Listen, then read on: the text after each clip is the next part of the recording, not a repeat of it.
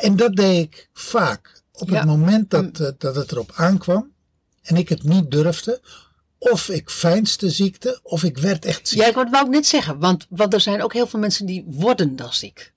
Ik had dat ook. Ik herinner me een jeugdvriend van Aruba.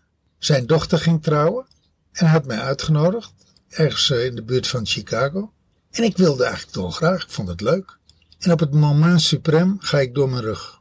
En eh, ik was toen freelancer, dus ik heb toen een dag of twaalf thuis gezeten.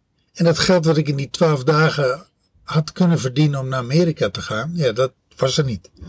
Freelancer is heel makkelijk, niet werken is niet eten. En dat hing samen. Ergens durfde ik niet. Ja, Was, dat Ja. was te, te groot voor mij. ja, En, en dat is heel lang een patroon geweest. Als iets te groot was, als ik iets eng vond, als ik er ergens bang voor was, dan fijnste ik ziekte of dan werd ik ziek. ja. Nou, dat, Mooi, mooi voorbeeld. Ja, ja, maar, maar eh, daar heb ik ook geen last meer van. ja, Tegenwoordig zeg ik ja of nee. ja. Ik doe het wel of ik doe het niet. En ik doe het vaker wel eens niet. Ja.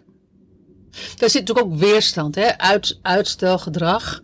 ehm fijnzen dat je ziek bent.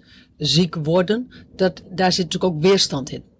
En weerstand hebben we natuurlijk ook wel eens een podcast over gemaakt. Dat bestaat eigenlijk niet. Dat is gewoon innerlijke onveiligheid. Ja, ik, ik kom dat hele woord, woord weerstand, dat komt eigenlijk helemaal niet bij me op. Als ik het navoel, wat, wat voelde ik toen?